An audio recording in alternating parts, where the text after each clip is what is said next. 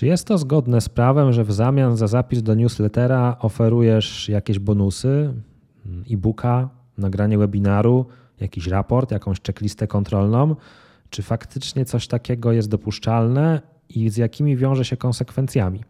Ja nazywam się Wojciech Wawrzak, jestem radcą prawnym, autorem bloga prakreacja.pl i spróbuję dzisiaj w tym materiale podzielić się z Tobą swoim doświadczeniem, jeżeli chodzi o lead magnety i freebie. Lead magnet i freebie, czyli takie określenie, właśnie ten mechanizm, kiedy chcesz skłonić kogoś, żeby zapisał się na Twoją listę newsletterową mm, i oferujesz mu jakąś przynętę, jakiś wabik, jakiś freebie, jakiś lead magnet, e, e-booka, nagranie webinaru, checklistę, mm, cokolwiek. Jest to taki już dość popularny mechanizm, no bo umówmy się, w tym natłoku informacyjnym coraz ciężej jest skłonić kogoś, żeby zostawił nam swój adres e-mail, więc oferujemy jakieś korzyści. No i tutaj ważna sprawa. Od 1 stycznia 2023 roku ustawa o prawach konsumenta w wyniku wdrożenia do polskiego prawa omnibusa, tej słynnej europejskiej dyrektywy, mm, zrównoważyła, można powiedzieć, płatność pieniędzmi z płatnością zgodą marketingową. Czyli może być tak, że użytkownik płaci za coś, na przykład za e-booka pieniędzmi, bądź płaci za tego e-booka zgodą marketingową. No jeżeli mamy zapis do newslettera w zamian za mm, zgodę marketingową, jeżeli mamy, za, jeżeli mamy zapis do newslettera w zamian za otrzymanie e-booka, to mamy właśnie do czynienia z taką sytuacją, kiedy ta zgoda marketingowa staje się walutą. Czyli ktoś nie musi płacić na przykład 50 zł, żeby dostać e-booka. Wystarczy zapisać się na listę mailingową i on tego e-booka dostanie. Jeżeli ty organizujesz zapis do newslettera w taki sposób, mm, to musisz spełnić dodatkowe wymogi, dodatkowe w stosunku do tego, o czym mówiłem w jednym z poprzednich nagrań o legalnym newsletterze. Mm, ten mechanizm freebie należy patrzeć na niego w ten sposób, że jeżeli ktoś zapisuje się do newslettera, żeby otrzymać to freebie, na przykład e-booka, to on tak naprawdę zawiera z Tobą umowę o dostarczenie treści cyfrowych. Zawiera z Tobą umowę o dostarczenie treści cyfrowych, ale nie płaci pieniędzmi za tą treść cyfrową, ale płaci swoją zgodą marketingową. W związku z tym znajduje do niego zastosowanie ustawa o prawach konsumenta i twoja, Twój proces zapisu na to freebie musi odpowiadać podobnym wymogom, jaki musi odpowiadać sklep internetowy, na przykład sprzedający e-booki. W związku z tym powinieneś posługiwać się regulaminem. Ja określam go na swoje potrzeby regulaminem Lead Magnet. Inni prawnicy określają go regulaminem newslettera. I w takim regulaminie musisz zrealizować wszystkie obowiązki, które są wskazane w ustawie o prawach konsumenta. Nie będę teraz szeregu tych obowiązków wymieniał, bo bym cię zanudził. Ważne, żebyś zapamiętał, że to są tak naprawdę te same obowiązki, którym musi sprostać sprzedawca w sklepie internetowym. Czyli jeżeli udostępniasz komuś e-booka w zamian za to, że wyrazi zgodę newsletterową, to jest to dokładnie taka sama sytuacja, jakbyś sprzedawał takiego e-booka, tylko że ktoś płaci zgodą marketingową.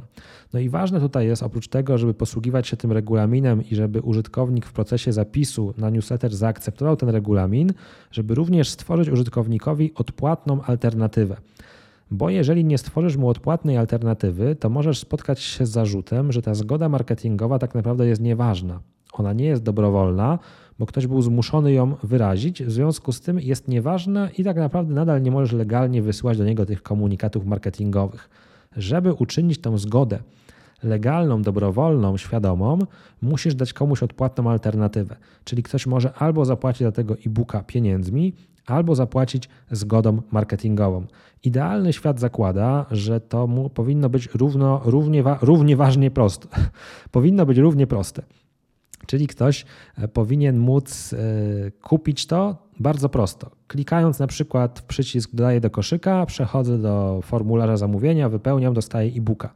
Natomiast często jest tak, że w tym procesie e, freebisów my nie chcemy teraz programować kolejnej ścieżki zakupowej. Takim kompromisem może być po prostu dodanie adnotacji w takim formularzu, że jeżeli nie chcesz zapisywać się do newslettera, żeby otrzymać e-booka, to napisz do nas na maila takiego i takiego, a my sprzedamy Ci tego e-booka za tyle i tyle.